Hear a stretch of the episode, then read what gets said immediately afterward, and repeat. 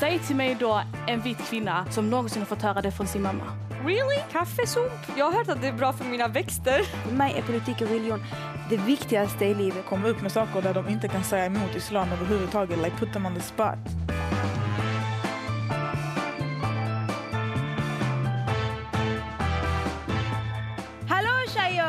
Sitter vi här igen och spelar in eh, Honey and the Beast-podden. Mitt namn är Lina Taha och är grundaren till Sveriges bästa och största tjejgrupp på Facebook, nämligen Honey and the Beast. Men jag sitter inte själv här, jag har med mig några andra tjejer, bland annat Florentina. Japp, och vi sitter hemma hos mig just nu. Mest för att jag bor som mest centralt. Du ser lite uh, trött ut idag, vad hände Ja, igår vad har du gjort? What happened last night? Look here, we have uh, Aya. ja, hallå, hej! Hej Aya, hej hej, välkommen. Nej, alltså jag var ute i Danmark igår och festade. Köpenhamn då eller? Är i Köpenhamn. Nej. What have you done girl? Jag vet inte, jag började dricka lite. Jag har inte druckit på jättelänge. Så jag drack lite grann och sen, I don't know, I got tipsy och så. Perfekt innan podden. Ja. Jättebra. Gör så varje helg. och nytt avsnitt släpper vi varje onsdag. På Radio Play-appen. Så gå in och kolla! Eller lyssna. Eller Eller lyssna lyssna, ja. ja vadå kolla? Men hej, vi, jag tycker vi ska ta in gästen nu. Hon sitter här helt tyst. Med oss har vi Sigal! Välkommen! Är det Hej, Segal eller är det Sagal? Sagal. Sagal. Oj, Sagal, förlåt. Sagal. Sagal, vill du berätta lite om dig själv för tjejerna? Eller för alla som lyssnar. Det är inte bara tjejer som lyssnar. Ja, eh, mitt namn är Sagal. Jag är 19 år gammal. Uppväxt i Klippan, nordvästra Skåne, men är numera bosatt i Malmö. Eh, jag pluggar mitt första år på Malmö högskola. Jag pluggar fred och konfliktstudier och jag är en social entreprenör.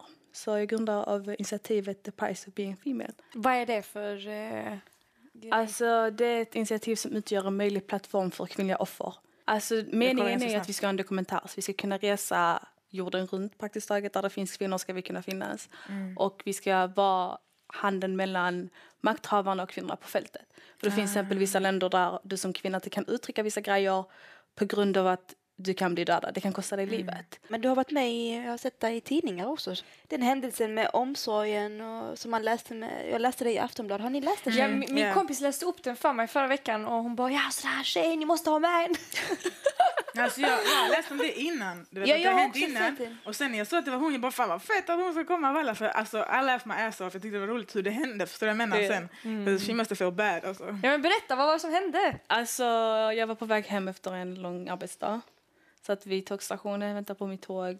Hade mina hörlurar i som vanligt. Och sen så ser jag att en kvinna som går runt mig ett par gånger så här.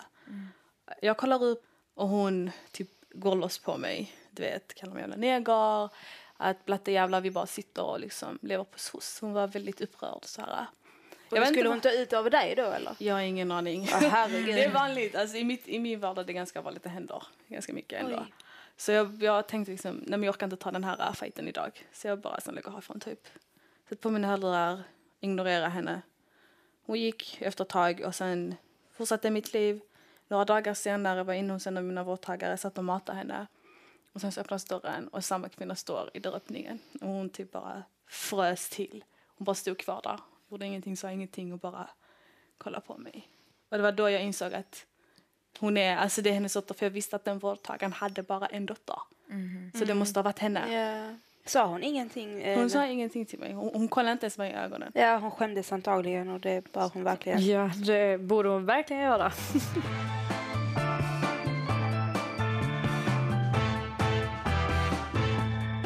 är bra att vi har med dig här idag för det har varit väldigt många diskussioner kring rasism i, i, både efter att vi släppte det andra avsnittet av podden och även inne i gruppen så dyker det upp och jag har sett dig också att du är väldigt engagerad i de frågorna. Om jag inte har, ja, eller det Ja, måste ha varit du. Ja, det det kan jag. inte finnas många Sagal. Du blir väl ofta, eh, du Lina blir ofta kallad rasist alltså, i den här gruppen och så vidare, folkgruppen. Och, Ja, alltså känns det? Ja, det, det känns för tråkigt måste jag säga. Mm. Eh, för jag har inte alls lagt åt den sidan och jag känner väl själv ibland att jag kan bli utsatt för, eh, kanske inte riktigt rasism, men att jag också kan bli kränkt på grund av att jag inte är etnisk svensk. Och sen att jag ser att någon i gruppen kallar mig för rasist för att jag liksom kanske, jag, jag, jag är oftast väldigt neutral, jag väljer ju inte sida direkt, men att jag kanske blockerar den ena för den säger någonting och inte blockerar den andra för den kanske inte eh, kränker den andra på samma sätt och då kan jag lätt bli kallad för rasist. Dessa inlägg, eh, de Black Lives Matter, alltså de har ju blivit raderade ganska så snabbt. Har ni också upplevt det, Flor Sagal? Jag har sett att de yttrar det. Väldigt många så här när de tar upp olika diskussioner. Och jag tycker det är viktigt att ha dem uppe. Det blir en diskussion och det blir ofta konflikt. Men det är så man även utbildar sig. Genom att ha en kommunikation och en diskussion med människor. Och jag tror också att många känner att när man tar bort dessa inläggen känner de att ja, men nu får vi inte ha en röst. Och det är så Precis, ja, många svarta man. känner att vi tystas ofta ner och vi får inte lov att ha en röst. Utan vi läggs ofta på sidan, man lägger locket på oss. Vi får bara existera, men inte finnas. Men problemet är att folk kan inte förhålla sig till en, normal diskussion. Man börjar alltså, kränka varandra rakt av oavsett vilket ursprung. Nu snackar jag inte om att de vita eller de svarta utan man säger jävla hora, jävla bla bla, bla du ska hoppa från fönstret. Alltså det blir så himla många kränkningar i inlägget och då är det jag som får skiten sen för då har jag fått jättemånga PM eller med, alltså privat meddelande från tjejer som har sagt jag kommer polisanmäla hela din grupp. Alltså, let people do it, tänker jag, du vet. Ja. Och, och där hade jag, jag hade inte rört det. Låt folk till och med kalla varandra idioter och, och säga saker och skälla ut varandra. För i många tillfällen det är så du lär dig. För vissa är faktiskt lite efter när det gäller detta. jag kan förstå att en, en sån tråd ska vara kvar så länge man kan åtminstone visa lite respekt. Jag begär inte att man ska sitta och nicka och le åt varandra men bara visa lite respekt, respektera varandra. Ni behöver inte gå på personangrepp. Eller vad Jag känner håller du? med dig 100 procent. Jag har ju varit med på många sådana diskussioner. Jag har aldrig kallat någon för för jag tror inte på slutshaming av kvinnor. Så sådana ord kommer aldrig ut från mig för min del. Och det är när du tar de- bort de inläggen så tar du även bort våra röster även när vi uppför oss. Så ja, då får du helt enkelt om det är så att det går till en grad att man börjar lägga in, jag har sett vissa lägga in folks mammor och, och då tycker jag att ja, men du har all rätt att blocka dem. Sen om de ska gå och polisanmäla, varsågod dörren upp och gå och polisanmäla, du är ingens mamma. Att det är inte det, det är fullvuxna kvinnor. Kan de inte bete sig så får de gå och ringa polisen och försöka leka mamma med dem. Ja, men ofta så händer ju de här konflikterna när jag är mitt uppe i någonting annat, jag med familjen eller jag på jobbet.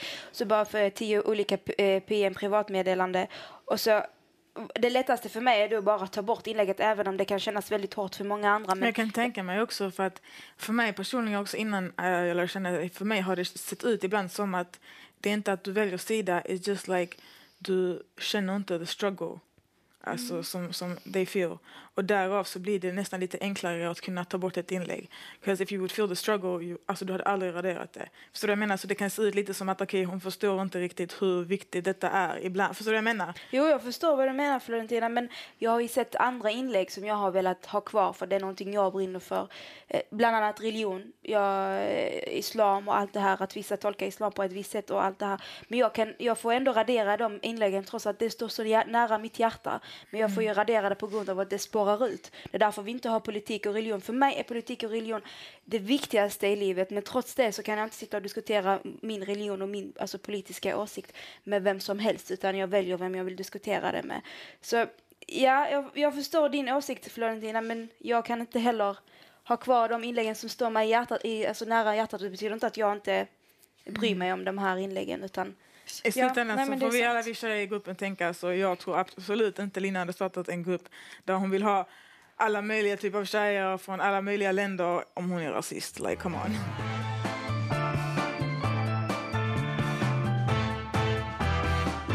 Men vi kan faktiskt gå vidare och prata om nästa inlägg som också handlar om rasism. Eh, då har vi en tjej som skriver i gruppen om att eh, rasism har börjat öka väldigt mycket.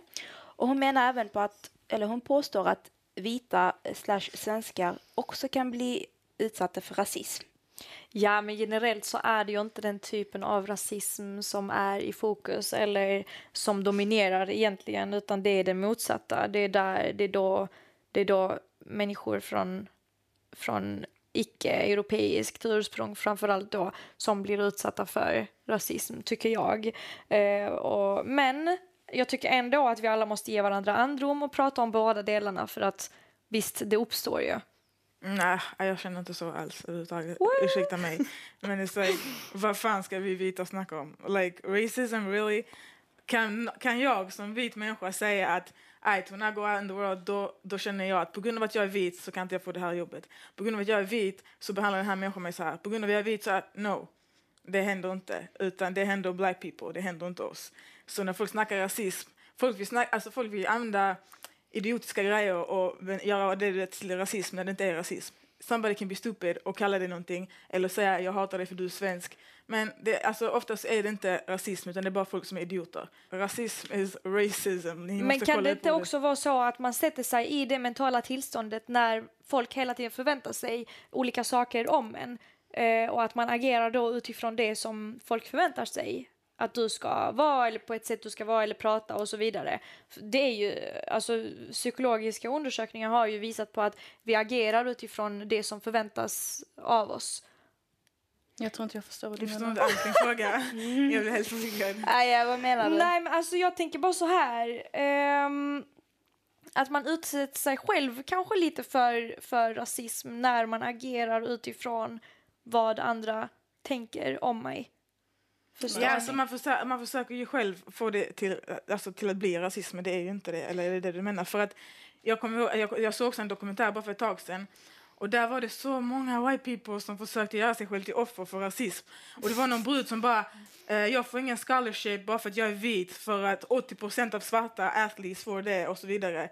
Och sen när man kollar upp statistik, man bara, nej det är inte ens 30 procent som får det. Mm. Utan liksom över 80 procent är typ eh, vita som får scholarships. Och så de bara, okej, okay, well, I don't believe it. Man bara, ja ja. Alltså Men, problemet är, eller jag tror problemet är att folk inte kan skillnaden på vad stereotyper innebär, vad skällsord innebär och vad kränkningar innebär versus rasism. De är ofta snabba på att säga, ja men det är rasism, det är inte rasism. Jag har kollat på vad heter det, exemplen hon tog och det var att svenska kvinnor är billiga, de är lätta, de är horor etc. Hon sa att svenska snubbar var bögar och svenskar är snåla. I mina öron, det låter som förutfattade meningar, det låter som stereotyper. Att man har en mm. viss uppfattning om en folkgrupp. Det vill säga om någon säger men ryska kvinnor är porriga eller man säger arabiska kvinnor är håriga eller man säger svarta kvinnor suger inte kuk. Alltså, det är förutfattade meningar. Det, det, det, det är inte fakta. Mm. Och det är inte rasism. Jag har också hört folk som säger vissa grejer som att ja men ja men om någon kallar mig för vitlök, det är rasism. Nej, det är inte rasism. Det är lika rasistiskt. Men det, kan, det, är en kränkning, tycker ja, jag. det är lika rasistiskt som att någon ska kalla mig för kaffebönna. Det är inte mm. rasistiskt. Det är en kränkning. Hur är det en kränkning att bli kallad vitlök? Alltså, ja, ja, men det, det är hur du känner ju. Men det är hur du känner. Alltså, om du känner dig kränkt, då är det ju en kränkning. För att det är min känsla som spelar roll i slutändan. Så om Sagal, säger nu till, om, du, om Sagal skulle säga till dig att jag är vitlök så känner du dig kränkt? Om jag hade gjort det, men jag gör inte det. Tänk dig en vitlök, tänk om du kallar mig godisbit. Alltså, jag kan inte bli arg för det. Men det är samma sak när man blir kallad för neger. Som de kan kalla mig för vitlök kan jag säga negerbror. Nej, det kan du inte. Mm. Alltså, Nej, för att n-ordet har ju en exakt, grov historia bakom sig. Och det är liksom, det är en helt systematisk värld vi lever i. Jag ska ge ett simpelt exempel. Låt säga det, finns en pyramid, förstår du vad jag menar? Mm. Jag hörde innan Florentina, du sa att du var en vit kvinna, du är inte vit. Du är på non-black people of color är du. Så längst uppe är vita människor, förstår du? Europeiska, västerländska människor. Sen kommer non-black people of color, araber, jag vet inte om ni alltså balkanmänniskor, mm, förstår du vad jag menar? Mm. Och sen black people kommer längst ner. Men enligt vem är denna pyramiden då? Enligt världen vi lever i. Alltså det är från den postkoloniala tiden, förstår du vad jag menar? När mm. kolonierna kom. Och många människor vill påstå att ja, men, ja, men det måste finnas omvänd rasism. Det kan inte finnas omvänd rasism. Förstår du vad jag menar? På grund av att detta systemet har funnits i århundraden där man har tagit en folkgrupp och man har sagt ja, men ni är inte lika mycket värda på grund av den färg du har. Nej, men den här pyramiden begynner vita människor politiskt, ekonomiskt, socialt. Mm ekonomiskt, det finns vissa länder i världen idag som har varit kolonier tidigare. De kan inte göra affärer utan att gå igenom den som har varit koloni, alltså mot dem. Förstår du vad jag menar? Ja, Politiskt, det finns vissa dörrar jag som svart kvinna, oavsett hur smart jag är, oavsett hur bra jag resonerar. Jag kan aldrig ställa mig i vissa alltså, positioner. positioner på grund av det faktum att jag är svart. Förstår du vad jag menar? Jo, jag fattar. Men... Och det är socialt. Som en svart kvinna, du blir lärd från en tidig ålder att det du har är inte okej. Okay. Om du mm. har aldrig och, gått och, det, det jag, och det var det jag menade när jag började med att säga men då agerar man utifrån det, vilket är fel. Man kanske måste tänka om. Förstår du hur jag menar? Nej. Alltså menar du att...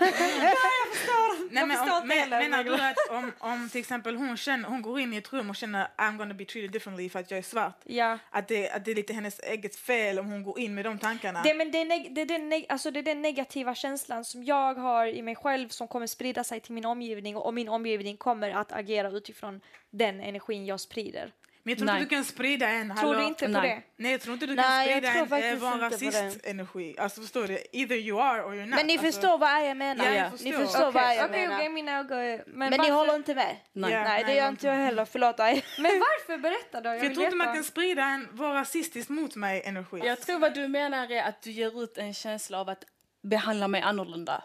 Är det det du syftar på? Att du säger att ja, men jag har redan de förutfattade meningarna att jag inte kommer få Men samma alltså, kolla, jag, möjligheter. kan, jag kan ta som ett exempel. När jag gick i skolan, Ja. jag, var, jag och min klasskamrat var de enda två tjejerna med sjal i hela skolan. Och våra lärare förväntade sig saker av oss eftersom vi var blattarna, vi skulle snacka högt, jag vet inte vad. Och vi agerade utifrån det. Vi presterade inte till vår fulla, så här, vår, vår bästa potential, vad vi ännu kunde prestera liksom. Eh, så att vi agerade lite utifrån deras så här förutfattade meningar om blattar. Men då är det Så- deras fel, det. inte ditt fel. Ja, ja, men jag, men, men jag menar också att men jag men-. Ja, ja, men jag menar också att vi människor är så i grunden, alltså enligt undersökningar då är vi så, vi tänker liksom Men Aya, då blir det ju som att de svarta, som att det är deras fel att rasism finns. Alltså är det så? Du, jag förstår inte. För de känner oh sig my God. Nej, På det är grund av inte så jag menar. Jag vet inte vad jag menar längre. Du. Jag var nio år första gången mamma sa till mig du är muslim, du är tjej, du är svart, du kommer få alltid jobba tre gånger hårdare än alla andra för att få hälften lika mycket som de har. Tre gånger, 50 gånger. och- Säg till mig då en vit kvinna som någonsin har fått höra det från sin mamma. Förstår du vad jag menar? Aldrig. Men ändå vill de sitta och påstå att ja, men rasism finns.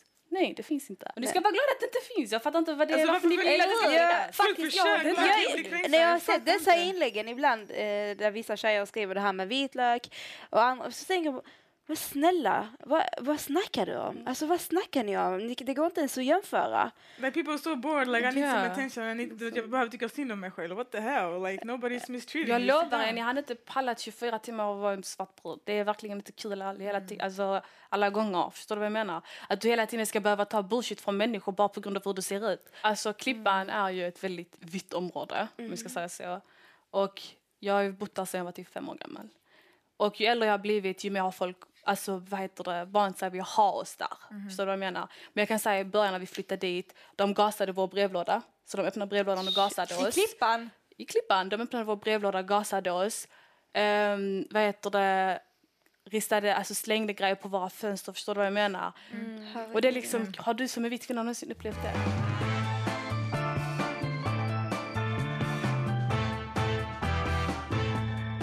Nästa ämne som känns nära mig i alla fall, jag vet inte. Eh, Det handlar om en eh, tjej som har skickat in en Honey Secret. För er som inte vet vad en Honey Secret så är det ett anonymt inlägg man skickar via oss som driver gruppen.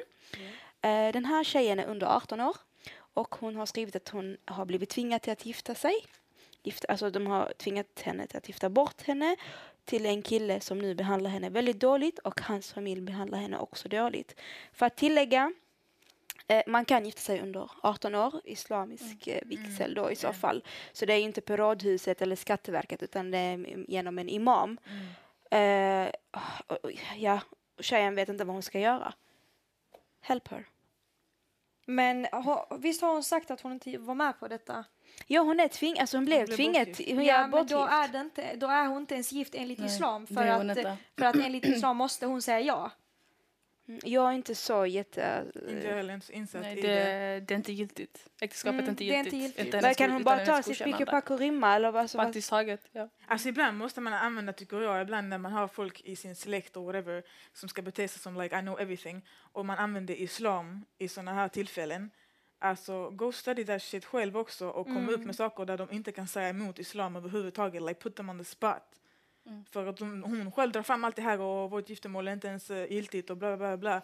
Men, Vad fan ska men, de säga? Precis, ja. Men sen så också inom islam, då har man också en brudgåva, eller hur? ja. Och, så jag hoppas att hon har en brudgåva. Den brukar ju ligga på mellan fem, 50 till 200 000 kronor.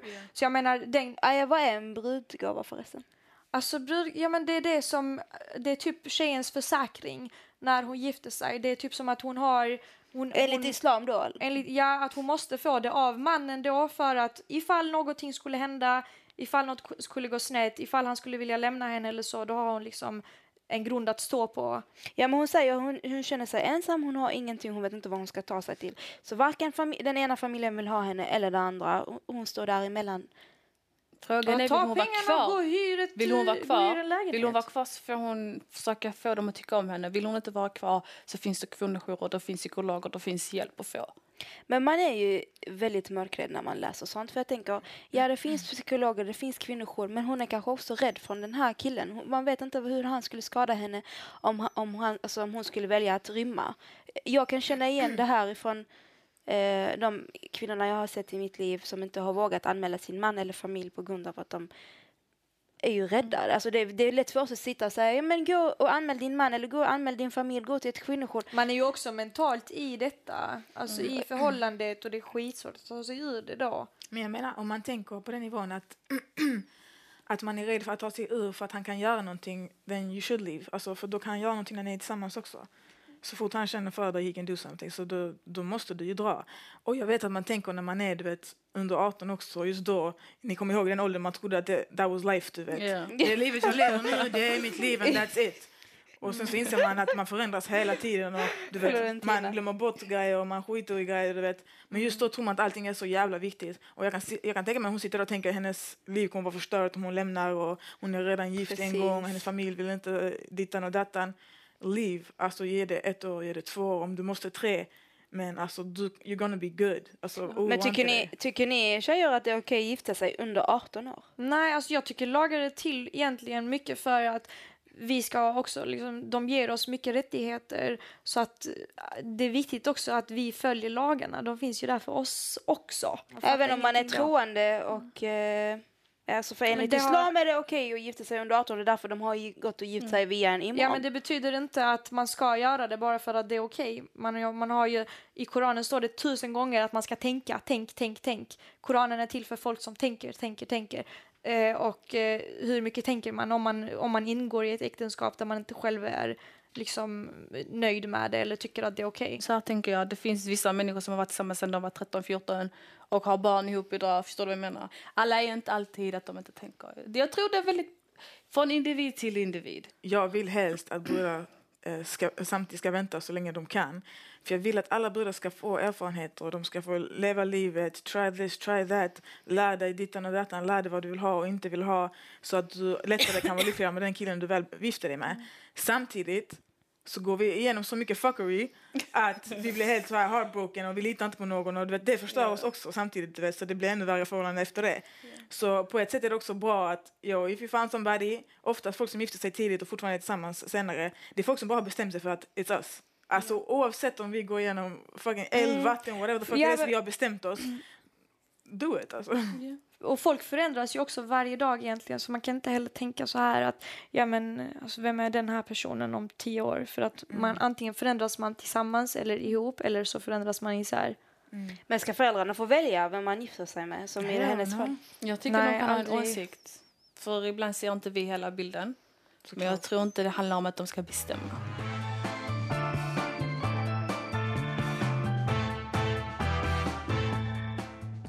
Lite mer eh, lättsamt, men samtidigt också ganska så allvarligt. Ja, Och det handlar om eh, barn eh, som klär sig i bikini eller baddräkt. Vissa men är det de som klär sig eller är det föräldrarna som bestämmer? föräldrarna som bestämmer. Eh, tycker ni att det är okej att eh, till exempel min bebis ska ha på sig eh, bikini? Alltså har folk sett det kanske från ett perspektiv där att man lär unga eh, tjejer cover their titties i ung ålder eller vad är problemet? Alltså, jag tycker att om det handlar om att man har sexualized bikini så tycker jag det är fel av vuxna för att det är många grejer som barn gör. Ibland kan de till och med bara skaka röv lite. Du så, så, så kommer alla bara oh no, hur kan du låta din unge göra så? Stop looking at it like it's sexy. Förstår du vad jag menar? När barn gör saker, låt barn vara barn. Och det är vi vuxna ofta som Men bara typ, alltså triangelbikinis till exempel, de är ju där to like show, show two titties. But they're not there yet for the kitties. Alltså, jag, Ah, ja. was really weird. nej, men alltså, jag tänker så här. Jag tycker bara att vi vuxna ska ha lite större ansvar och inte sexualize shit. Och sen om det handlar om att man inte ska lära brudar to cover their titties, det... Sagan, när du i framtiden får barn och ditt barn är, får en flicka säger vi ett år, hade hon eh, fått på sig bikini av det eller hade du köpt en bikini till din dotter kanske? Alltså grejen är, eftersom jag inte är mamma så vet jag inte riktigt. Men folk gillar alltid att göra en höna med fjäder. Det är samma sak när folk satt på slöjor på sina barn. Oh my god, hur kan du sitta och sexualisera ett barn? Det är inte att sitta och sexualisera ett barn, förstår du vad jag menar? Det som är normalt i mitt liv kommer jag göra mot mina barn så de ser det som en norm och de ser att det är okej okay att vara så. Förstår du vad jag menar? Så när en kvinna som själv är på stranden har en bikini på sig kommer hon per automatik sätta en bikini på sin dotter. Förstår du vad jag menar? Ja. Och en kvinna som har en burkini och slöja på sig kommer per automatik sätta det på sin dotter. Vi alla uppfostrar våra barn för vi tror är bäst för dem. Ja, jag personligen, jag har en liten dotter, hon är 18 månader. Och eh, hon har på sig bikini på stranden för jag tycker de här bikinisen för barn är så himla söta med blommor och så. eh, så men jag tänker inte åt, åt det här hållet att ja, men, eh, som ett sex, sexobjekt. För det, det, alltså, jag kan inte ens föreställa mig det och jag har inte ens reflekterat över det förrän jag läste det här inlägget kan jag säga. Men alltså jag tänker så här, jag vill att mitt barn ska kunna motivera varför den vill bära detta eller detta. Jag vill att, jag vill att vi ska ha de här diskussionerna från tidig ålder så att den lär sig själv att eh, liksom kritisera och tänka, tänka utanför den här boxen. Har ni sett den här videon på hon lilla tjejen som, som liksom jämför tjejtröjor Yeah, med killtröjor yeah. och säger han look at the, typ titta på texten på killtröjorna. Varför står det think out, outside the box? Och på tjejtröjorna då står det bara hej. Va, vadå hej? pretty och sånt. Ja, Yeah. pretty. Vad, vadå pretty? I wanted to like think out the box. Och jag tänker, me, my child is gonna be like that. I, don't care. Ja, Like, fast om hon är ett år eller två år och inte för, kan knappt prata. men, och, men, om det är så, men om det är så små barn, de är fria. De bara gå gubbe, bara gå och ta av dig allting. Och, Ja, men du, eh, Sayal, du pratade om det här med slöja. Du kom Mm. in på det med religion igen, så det är bra. Tänkte, Hade du kunnat ta på alltså, ditt barns slöja tidigt? Nu när vi ändå pratar om barn och vad man... Alltså hade jag tagit med mitt barn till moskén hade jag satt på det. Förstår du vad jag menar? mm. Det är för att man ska göra det normalt, ett, ett normalt beteende. Jag minns, och sen dessutom barn har väldigt lätt för att eftertrakta sina föräldrar. Exakt. Första gången jag tog på mig slöja jag var två år gammal. Förstår du vad jag menar?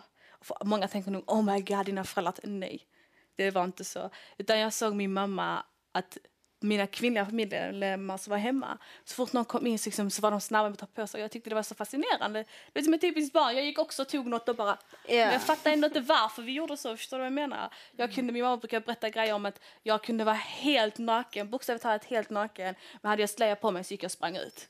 För att i mitt huvud det var okej så länge man täckte huvudet. Förstår du vad jag menar? Men Samtidigt som hela min röv var ute. Och sen hade jag, var jag fullt påklädd men inte hade slöja så vägrade jag gå ut. Så det är liksom att man eftertraktar sina föräldrar, man försöker se upp till dem. Och det som de gör, gör man också.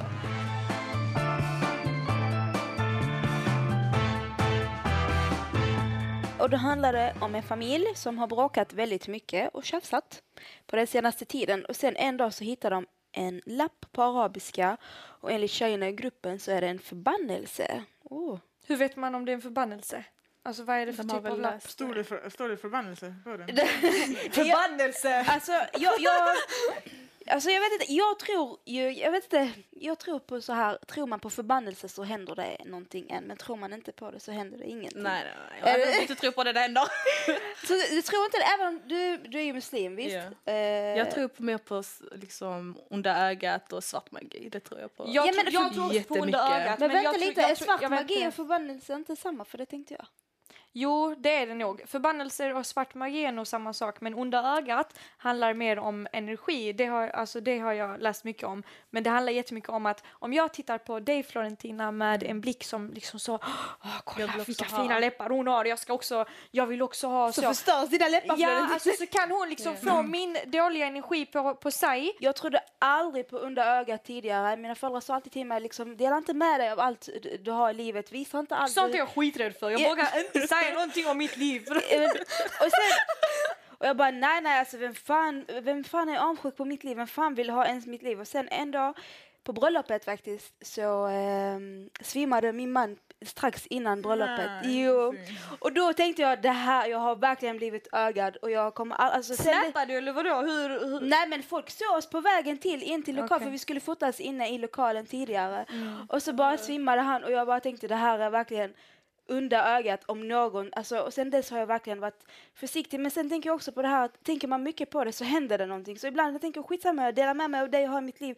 Låt Ja, folk... man vill ju att någon annan ska vara... Alltså jag tänker så här, delad glädje är dubbel glädje. Varför kan inte folk vara glada för varandra? Nej. Det är så synd! Men Men jag vill fan att de ska vara det! Fan vad sjukt ändå om någonting dåligt händer en för det här med onda ögat. Alltså fan vad sjukt om if it would be true. För jag tänker, då måste du watch out for everybody. Yeah. Alltså då kommer ju saker hända dig. I då do, my jag menar, då kommer ju saker hända dig konstant. Ja. För folk kommer alltid kolla på dig snett och bara typ I want what she got, du vet. Så jag menar, Alltså det beror på hur religiös man är. Jag är religiös, så jag brukar alltid typ läsa ett kursi på morgonen och på kvällen. Du vet, känner mig skyddad som fan. Som när Black Eyes come at me. Jag bryr mig inte så mycket. Men alltså jag har ju sett till exempel i Klippan, då var det en tjej. Hon hade tydligen blivit förbannad. Alltså den här tjejen, 120 procent det var något i henne.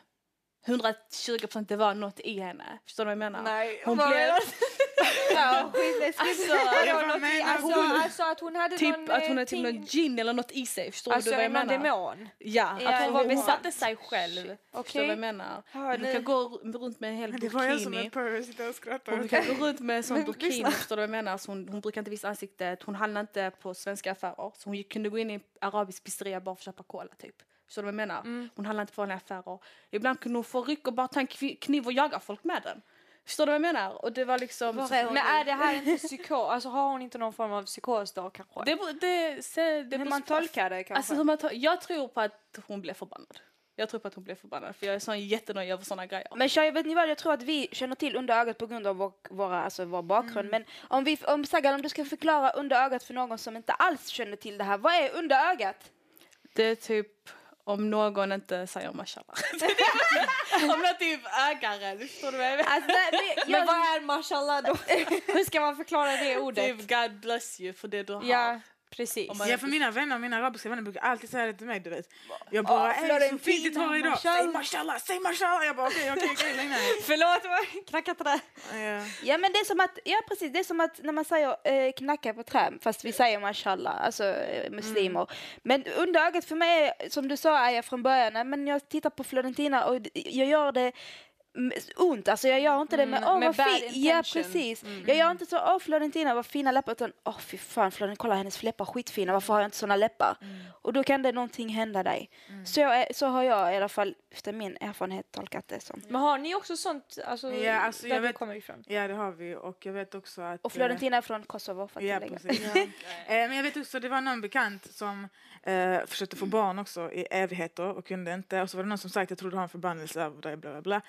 Och sen så åkte hon till hemlandet eh, och så gjorde någonting där. I don't know the rituals, alltså vad man gör. Men sen när hon kom tillbaka så var hon pregnant efter det, du vet.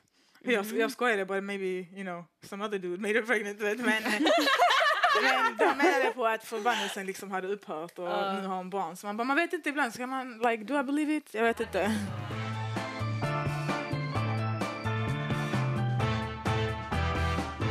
Har ni några snabba skönhetstips tjejer? Sagal, har du någonting? Du är ny här idag. Yes. Jag har hört att många människor är trötta på sina bristningar. Yes. Så vad ni ska göra då är att koka kaffe och sen vad heter det bruna som är kvar kaffet? Kaffesump. Ja, Heter det duscha i det. Duscha i det. Duscha i det så ni liksom Skrubba. Alltså ska in man ta det som skrubb? Ja. Fast det i har jag så använt för att skrubba det. ansiktet och sånt också, alltså it's good. och det tar bort Really? bristningar. Kaffesump? Jag har hört att det är bra för mina växter. inte kropp, men ja. Vi får gå hem och testa det. Eller- Imorgon måndag, kaffe. Ja, är perfekt. Yes, eh, men vet ni vad tjejer, vi avslutar och innan dess vill jag också säga att vi vill ha fler medlemmar här i podden. Tycker ni att vi är helt dumma i huvudet och ni vill komma hit och säga emot? Vadå dumma ju? men, men håller ni inte med om det vi säger så det är ju just er vi vill ha här, folk som inte tycker som vi tycker. Eller vad säger ni? Florentina Aja? Ja, man växer ju av att eh, höra andras tankar och andra åsikter. Det Så blir det är väl, absolut eh, nyttigt. tråkigt för folk att lyssna också på folk som håller med varandra hela tiden. Yes. Utan man vill höra liksom andra point of views. Exakt Florentina. I alla fall, skriv gärna en recension på podcaster-appen om oss, om vår podd och be alla omkring dig att lyssna på vår podd för vi ska bli störst i Sverige, eller hur? Absolut. Vill ni, är det så att ni är intresserade av att vara med, då kan ni höra av er till Madde producent HB Nilsson på Facebook eller till mig. Nu är det så här att vår producent har fått byta namn på Facebook. Um, det är därför hon har bytt namn till Madde producent HB Nilsson på Facebook. Stort tack Sagal Tack. och eh, vi hörs. Puss och kram! Hej då! Hej!